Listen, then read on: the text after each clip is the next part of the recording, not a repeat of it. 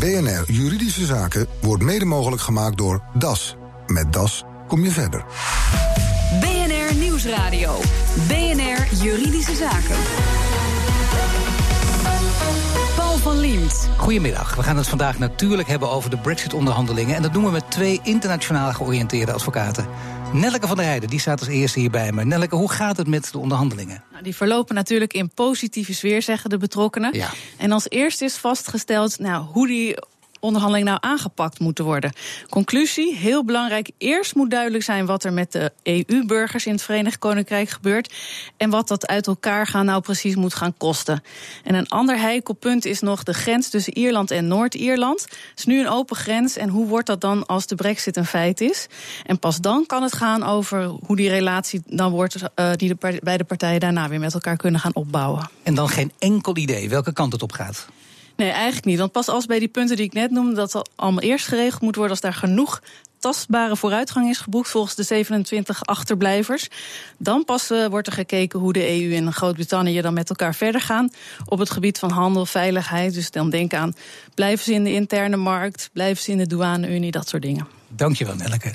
En hoe de relatievorm eh, vorm gaat krijgen, dat blijft nog even onduidelijk. Het bedrijfsleven wil natuurlijk niet te laat zijn, wil nu al inspelen op de ontwikkelingen.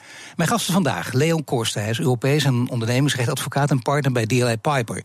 En Wouter Paardenkoper, fiscaal advocaat en partner bij Baker McKenzie en president van de American Chamber of Commerce in Nederland. Heren, welkom. Okay. Ja, uh, grote banken als Goldman Sachs die verhuizen van Londen naar Frankfurt, maar zijn er ook al veranderingen waar je nu van uit moet gaan? Leon Kosten? Nee, de onderhandelingen die zijn net gestart. En het is nog helemaal onduidelijk hoe die, hoe die gaan lopen, hoe lang die gaan duren. Um, er staat maximaal twee jaar voor het Brexit-overlegtraject. Die twee jaar die zullen ook wel uh, gebruikt gaan worden. De grote vraag is natuurlijk wat daaruit komt. En wat er uh, dan na die brexit gaat gebeuren. Nou, de advocaten niet van de journalist eigenlijk ook niet van speculeren. Maar toch, als ze gaan speculeren, ligt er iets op tafel? Um, het enige waar je nu van uit kan gaan is dat de inzet van uh, de, de uh, regering van het Verenigd Koninkrijk een hard brexit is. Dat is het officiële standpunt um, waar ze mee in zijn gegaan. Of dat uh, veranderd onderweg en een soft brexit wordt, dat is onduidelijk. Maar de vraag is dan ook wat de soft brexit dan zou zijn. Nou, ik kan er wel een paar noemen, Wouter Paardenkoper. Nelke noemde al, de, de douane-unie in het korte interne markt. Welke smaken zijn er voor de toekomstige relatie tussen, tussen de EU en het Verenigd Koninkrijk? Ja, er zijn een aantal andere uh, landen die wel een aparte relatie hebben met de uh, Europese Unie. Uh, er is bijvoorbeeld het voorbeeld van Zwitserland, dat een bilateral agreement heeft, dat toegang geeft tot bepaalde onderdelen van de markt, interne markt. Uh, we een hebben soort losse verhouding kun je dan zeggen tussen Zwitserland en de EU. Precies, een soort status aparte. Uh, maar daarvan is eigenlijk binnen de EU ook wel de mening, daarover is de mening dat uh, men er niet zo heel erg enthousiast over is. Dus uh, het lijkt niet erg waarschijnlijk dat dat de inzet wordt van de EU. En waarom zijn ze daar niet enthousiast over? Dan krijg je een beetje dat het Verenigd Koninkrijk wel de lust heeft, maar niet de lasten. Precies, wel de lust, niet de lasten. Een ander model waarin die lusten lasten eigenlijk eerder, eerlijker worden verdeeld, is uh, uh, lid zijn van de European Economic Area. Dat zijn Noorwegen, IJsland en Liechtenstein. Dat is een mooie, geloof ik. Hè? Wel betalen en uh, je krijgt er niks voor terug. Ik zeg het eventjes nou, op mijn manier.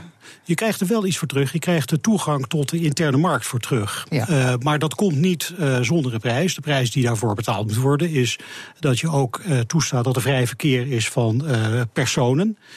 Uh, moeilijk punt voor de UK. Heeft uh, Theresa May zich ook nog niet over uitgelaten. Precies, dus, dus dat vrije verkeer van personen, goederen, uh, diensten en kapitaal... Dat, dat hoort bij die interne markt. En dat hoort dus ook bij het lidmaatschap van de Economic European Area. Maar een van die twee, als we die even naast elkaar zetten... Noorwegen heel nauw, Zwitserland dat losse... ligt een van de beide varianten het meest voor de hand? Ik denk dat uh, voor de UK, voor het Verenigd Koninkrijk, ligt denk ik uh, de uh, Zwitserse variant meer voor de hand. in de hoop dat ze geen vrij verkeer van personen hoeven toe te staan.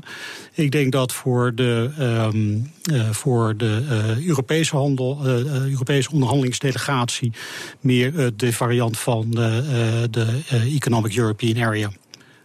Theresa May heeft, heeft gegokt, uh, verloren. Uh, ze wilde echt een hele ruime meerderheid hebben, een stevig mandaat. Dat is niet gelukt, uh, grote meerderheid zelfs weg. dus dat betekent dat een harde brexit hoe dan ook van de baan is, Leon Kost. Er zijn speculaties over dat, dat dat nu per vandaag nog niet zo is, maar dat dat snel zou kunnen veranderen. Dat hangt natuurlijk ook af van hoe de politieke ontwikkelingen in het Verenigd Koninkrijk verder verlopen. De opstelling van de uh, Democratic Unionist Party, de, de Noord-Ieren, hoe die zich gaan uh, opstellen bij, ja. uh, na, na, de verkiezingen. Als die een kaarten uitspelen en erg zetten op het um, in stand houden van open of zoveel mogelijk open grenzen met de Ierse Republiek. Dan zou dat kunnen tenderen naar een, een softere brexit dan nu het geval is. Ja, dat komt omdat we voor de duidelijkheid, we hebben het over het Verenigd Koninkrijk. En ja, toch even een lesje. Verenigd Koninkrijk is toch net wat anders dan Groot-Brittannië. Want daar heb je het al, hè? Dat, dat ene land maakt het verschil. Ja, Noord-Ierland uh, uh, zit dan niet in, het, uh, in de definitie opgesloten van Groot-Brittannië. Groot-Brittannië bestaat dan uit Engeland en Wales. En um, Schotland. Um, en als je Noord-Ierland daarbij telt, dan kom je aan het Verenigd Koninkrijk. En het Verenigd Koninkrijk is lid van de Europese Unie. En uh, het Verenigd Koninkrijk, de regering van het Verenigd Koninkrijk, heeft die artikel 50 uh, mededeling gedaan om uit de uh, Unie te stappen. Uiteindelijk gisteren zijn we begonnen, als zijn ze begonnen in Brussel, in die grote kantoorkolos. En dat was toch een ja, historische foto's en beelden die we daar zagen. Betekent wel, Wouter Paardenkoper, dat over twee jaar moet het allemaal klaar zijn. Nu zijn de, de vertegenwoordigers van de EU, dat zijn natuurlijk echte vergaderaars, vergadertijgers. Dus die moeten dat makkelijk kunnen winnen van die Britten die, die, daar, die dat niet gewend zijn. Is dat ook de verwachting? Uh, nou, dat, dat, dat zullen we moeten zien, hoe dat uitpakt. Nee, maar met dit, feit, deze kennis in het achterhoofd? Ja, nou, feit is wel dat uh, het, het, het, laten we zeggen, de, de EU-onderhandelaars grote ervaring hebben met het onderhandelen van dit soort overeenkomsten namens de EU met andere landen. En uh, dat doet de EU ook namens alle lidstaten. Dus dat betekent dat ja. uh, er in Engeland eigenlijk, of in het Verenigd Koninkrijk, om even zorgvuldig te zijn, ja. dat er eigenlijk uh, al 40 jaar niet zelfstandig is onderhandeld uh, voor een vrijhandelsverdrag. Nou, moet je kijken, dus die zijn dat dus, 40 jaar lang niet gewend. Dus dat zou inderdaad de indicatie kunnen zijn dat ervaring met onderhandelingen beter is dan. Hebben jullie beide in andere vorm wel degelijke ervaring met onderhandelingen of niet? Ik denk het wel. De meeste advocaten nou, onderhandelen heel veel, ja. Dat wou ik net zeggen, Leon Korsen. Dus dan weet je gewoon dat die Britten het, uh, kunnen we toch simpel zeggen... dat gewoon als het echt op hard onderhandelen aankomt, gewoon nooit aankunnen. Nou, de Britten zijn uitstekende onderhandelaren. Zeker als het om hard onderhandelen gaat. Voor een hard of een soft brexit. Ja, ook maar, in deze positie nou, tegenover is, die ervaren EU-mannen. punt is dat je natuurlijk ervaring moet hebben. En die hebben de, de, de Britten uh, niet over het afsluiten van handelsverdragen. Ja. Dus dat is compleet nieuw voor ze. Ja, en dat betekent dus dat het ook binnen die periode niet gaat lukken. Kun je dat ook bijna al voorspellen? Eigenlijk, eigenlijk kun je zeggen dat het, het onderhandelen, uh, het onderhandelen over een vrijhandelsverdrag, dat, dat neemt gemiddeld 7 tot 9 jaar in beslag. En dat is gewoon een hele lange procedure. Dus het zou een uh, vrij unieke gebeurtenis zijn als deze onderhandelingen in een periode van twee jaar worden afgerond. Maar hoe kan het dan? Want dan gaan alle burgers ook weer roepen. En, ons, en ondernemers ook natuurlijk, die hier met argusogen naar kijken. Ons is wijsgemaakt dat. Dat kan gewoon niet. Dus het moet binnen twee jaar. Maar je kunt waarschijnlijk, uh, zul je er over die grens heen moeten. Hoe kan dat? Kan dat formeel, uh, kosten? Nou, dit, dit, is wat de Engelsen het cliff edge scenario noemen. Uh, over twee jaar is het brexit-traject voltooid. Ja. Dan is het VK geen lid meer van de Europese Unie. En als er dan niet een vangnetje is, hè, dan, dan ga je dus met z'n allen de cliff af in Engeland, zullen we zeggen. Ja. En dan uh, moeten ze terugvallen op het zogenaamde WTO-scenario, World Trade Organization. Dan zijn ze gewoon lid van de, van de Wereldhandelsorganisatie, waar alle landen ter wereld ook lid van zijn, en ja. EU als blok. En dan moet je kijken wat de regels onder het uh, WTO zijn.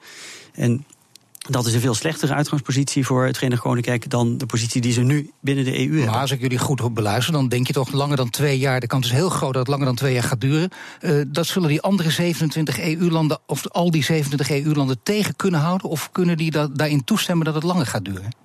Ja, de, de, artikel 50 voorziet in een hard twee jaar traject. Maar er is een mogelijkheid voor de lidstaten, de 27 achterblijvende lidstaten, om met een unanieme beslissing dat te verlengen.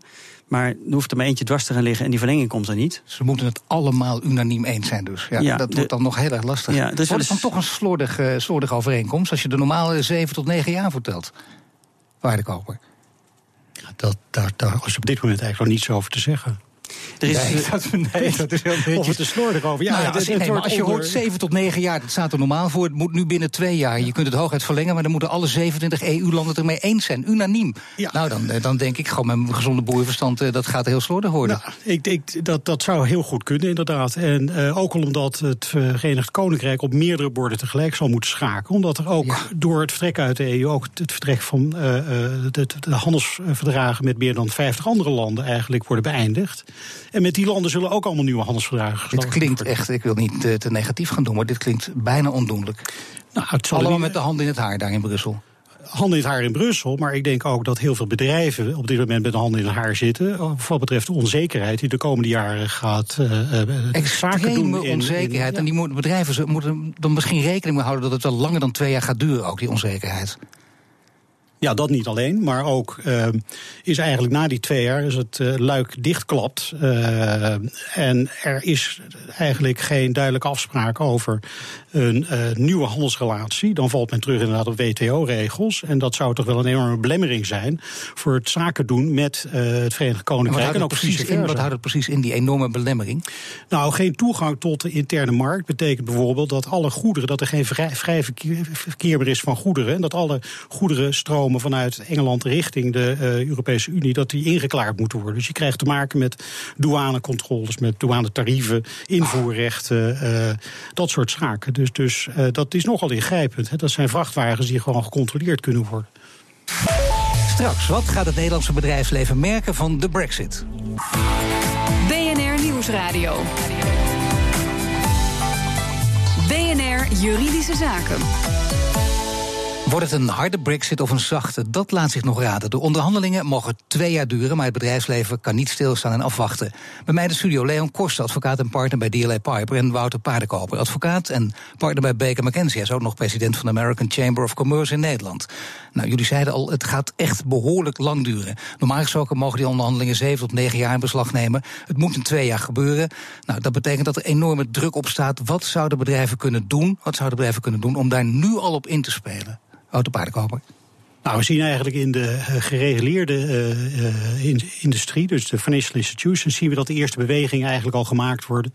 er zijn financial institutions zijn bezig om mensen te verplaatsen naar, laten we zeggen, mainland Europa, om ervoor te zorgen dat ze de vergunningen, de paspoort, dat ze dat behouden na een brexit. En ik denk dat als je kijkt naar de niet gereguleerde industrie, dat wat, wat wij nu zien, is dat bedrijven bijvoorbeeld productiecapaciteit aan het bekijken zijn. Zodat ze in staat zijn om productiecapaciteit te verplaatsen uh, vanuit de UK naar binnen de EU. En welke bedrijven zouden dat vooral kunnen doen? Dat zijn maakbedrijven die dus productie, die fabrieken hebben in, uh, in de UK en die direct met importbeperking of met invoerrechten en restricties te maken krijgen.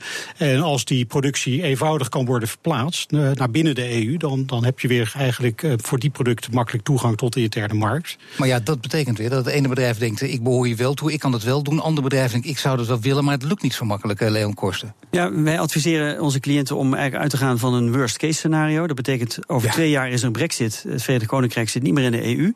Er is geen soft landing, zoals ze dat noemen. Er is geen nieuwe situatie met nieuwe verdragen. Dan heb je dus het WTO-model waar we het zo even over hadden. Ja. Dat betekent dat je moet terugvallen op de generieke regels uit de handelsverdragen.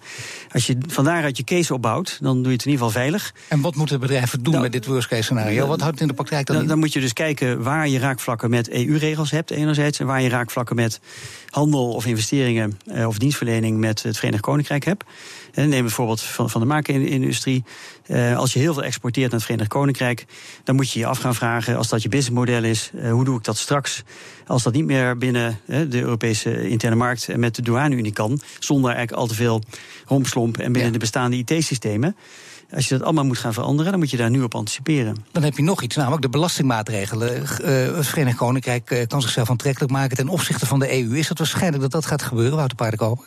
Nou, er is in ieder geval al een uh, klein voorschot opgenomen. Dat uh, als die onderhandelingen allemaal erg moeilijk gaan en het, het Verenigd Koninkrijk erg lastig wordt gemaakt, ja. dan zal het belastingklimaat in het Verenigd Koninkrijk voor bedrijven uh, aanzienlijk verbeterd worden. Er is zelfs belasting van tarief van 15% genoemd.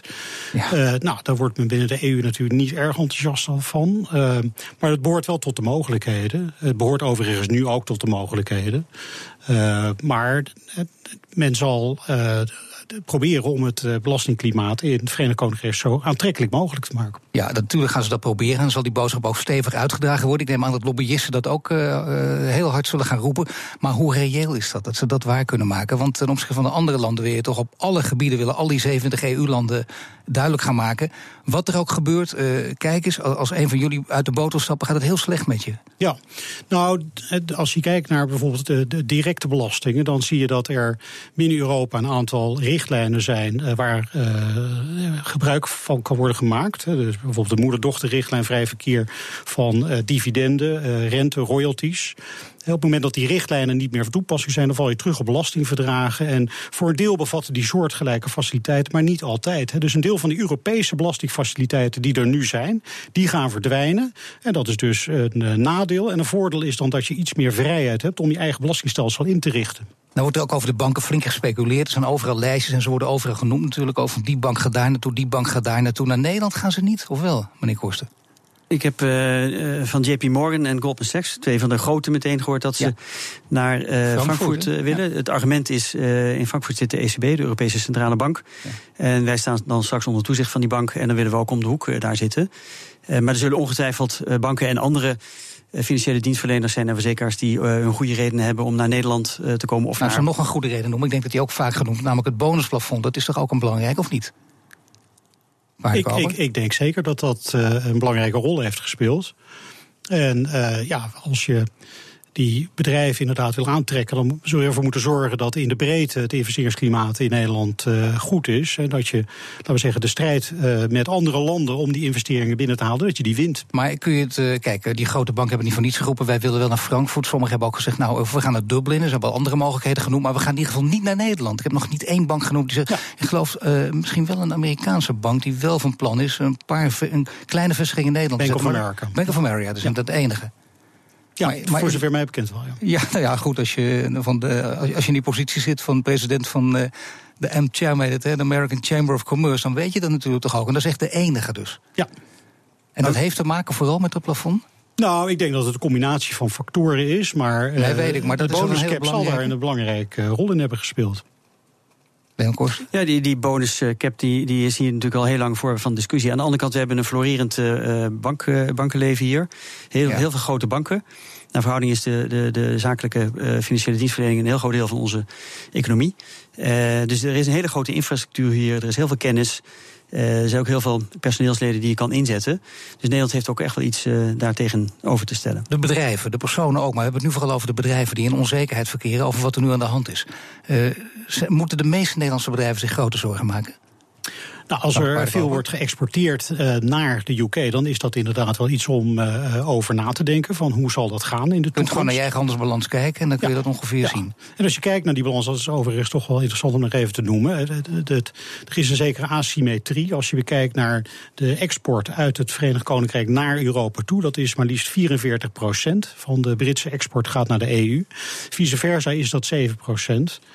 Dus het belang eigenlijk voor uh, het Verenigd Koninkrijk om die onderhandelingen goed af te sluiten, is eigenlijk vele malen groter dan voor de uh, Europese Unie. Nou, laten wij na die onderhandelingen weer een keer afspreken. Dat is waarschijnlijk over twee jaar, misschien ook pas over negen jaar. Dat zou ook nog kunnen. Zien jullie dan pas weer. Ik dank u, Wouter Paardenkoper, advocaat en partner bij Baker McKenzie, president van de American Chamber of Commerce in Nederland. En Leon Korst, advocaat en partner bij Deal Piper. Hartelijk dank. BNR Nieuwsradio. BNR Juridische Zaken. Na meerdere blessures ziet luisteraar Janice haar personal training abonnement niet meer zitten. Kan ze er vanaf? Een verslag van Nelleke van der Heijden. Janice Werense, jij sport bij een sportschool. En daar heb je sinds kort ook een uh, personal training uh, abonnement afgesloten. Voor behoorlijk wat geld. En dat bevalt eigenlijk niet zo goed. Nee, klopt. Ik ben uh, begonnen met één trainer. Daar kreeg ik al meteen een blessure. Vervolgens ben ik ben een nieuwe trainer gaan trainen. Daar ging het hartstikke goed mee. Was ik heel erg tevreden over. Helaas heeft hij op het laatste moment een burn-out gehad. En nu moet ik mijn abonnement afmaken met een trainer waar ik niet tevreden mee was. Want daar ik één keer mee heb getraind en daardoor een heftige blessure heb opgelopen. Daar heb ik een medische verklaring voor gehad. En daardoor kan ik nu niet verder trainen. En die trainer waar je nu één keer mee getraind hebt, dat is weer een nieuwe, anders dan die allereerste? Klopt, ja. Die. Uh, gaf voorheen geen personal training bij de sportschool. Dus die is ingezet omdat mijn, uh, mijn trainer een burn-out heeft gehad. En dat merkte ik ook heel erg, want ik was niet tevreden over de lessen. En vervolgens heb ik ook nog een heftige blessure gekregen. Ja, dus daar wil je niet mee door. Hoe moet het nu verder? Ja, hoe moet het nu verder? Dat is de vraag eigenlijk. Ik wil eigenlijk het liefste mijn contract laten ontbinden, omdat ik niet tevreden ben over de diensten die zij leveren. Maar anderzijds wil ik ook wil ik wel mijn contract laten invriezen als het mogelijk is. Tot uh, mijn goede trainer weer terug is. Want daar was ik gewoon heel erg tevreden over. Dus enerzijds of laten ontbinden, anderzijds wachten tot mijn goede trainer weer terug is. En die medische verklaring, moet je daar ook nog wat mee? Die medische verklaring heb ik per e-mail en aangetekend opgestuurd. Ik heb verder nog geen reactie van hun teruggekregen. Maar daar moet ik inderdaad wel nog wat mee, ja. Want ze hebben daar in hun algemene voorwaarden wel wat over opgenomen. Ja, in de algemene voorwaarden staat dat ze uh, voor maximaal vier maanden uh, kan laten uitstellen als je een blessure hebt of zwangerschap, et cetera. En uh, ja, daar wil ik zeker gebruik van maken, want ik kan nu op dit moment gewoon niet trainen. Marnix van den Berg van Hukker Advocaten. Kan Janice nou wat met haar blessure, wat haar is overkomen? Kan zij van haar personal training abonnement af? Hangt er een beetje af van wat er gebeurd is. Als zij alleen maar zegt: Ik heb geen klik met deze trainer, dan is het eigenlijk niet genoeg om van je afspraak af te komen. Want je hebt met elkaar afgesproken dat je een personal trainer krijgt en die gaat je instructies geven. Je hoeft niet per se ook nog beste vrienden met elkaar te worden. Als jij gewoon goed getraind wordt, dan is dat alles wat je mag verwachten. Maar nu is het wel zo dat zij een ernstige blessure heeft opgelopen. Als dat gebeurd is doordat er verkeerde instructies zijn gegeven door de personal trainer, of het op een of andere manier aan hem te wijten is dat zij uh, dat ongelukje heeft gehad, dan zou je kunnen zeggen dat er een tekortkoming is en dat er wanprestatie is gepleegd. En als er wanprestatie is, dan mag je van het contract af. Ja, dus dan zou ze kunnen ontbinden. Maar wat haar betreft is dat niet de enige optie. Ze zou eventueel ook wel willen bevriezen totdat die uh, fijne trainer weer terug is. Zou dat nog kunnen? Ja, het uh, staat in de algemene voorwaarden van de fitnessschool dat uh, je als je niet in staat bent om te sporten wegens medische redenen, je dan vier maanden uitstel kan krijgen. In dit geval lijkt me dat een goede oplossing. Want ze heeft ook een uh, medische verklaring waaruit blijkt dat ze nu echt niet kan sporten. Ze kan dan vier maanden afwachten of haar favoriete trainer weer terugkomt. Of misschien een andere leuke vervanger. Ik zou er dan wel aanraden om op dit moment alvast bij de sportschool te melden... dat ze zeker niet meer verder kan met de trainer met wie het ongeluk is gebeurd. En dat ze overweegt om dan in elk geval de overeenkomst te ontbinden. Ja, maar dat zou ze dus dan alsnog na die vier maanden kunnen doen? Ja, als ze nu al van tevoren meldt dat dat zou kunnen gebeuren... dan kan ze dat na vier maanden doen als de omstandigheden dan niet beter zijn. En dat zegt advocaat Marnix van den Berg in een verslag van Nelke van der Heijden. Heeft u ook een juridische vraag? Mail hem naar juridischezaken.bnr.nl. En dit was de uitzending voor vandaag. U kunt de show terugluisteren via bnr.nl slash juridische zaken. Mijn naam is Paul van Diemt. Tot de volgende zitting. BNR Juridische Zaken wordt mede mogelijk gemaakt door DAS. Met DAS kom je verder.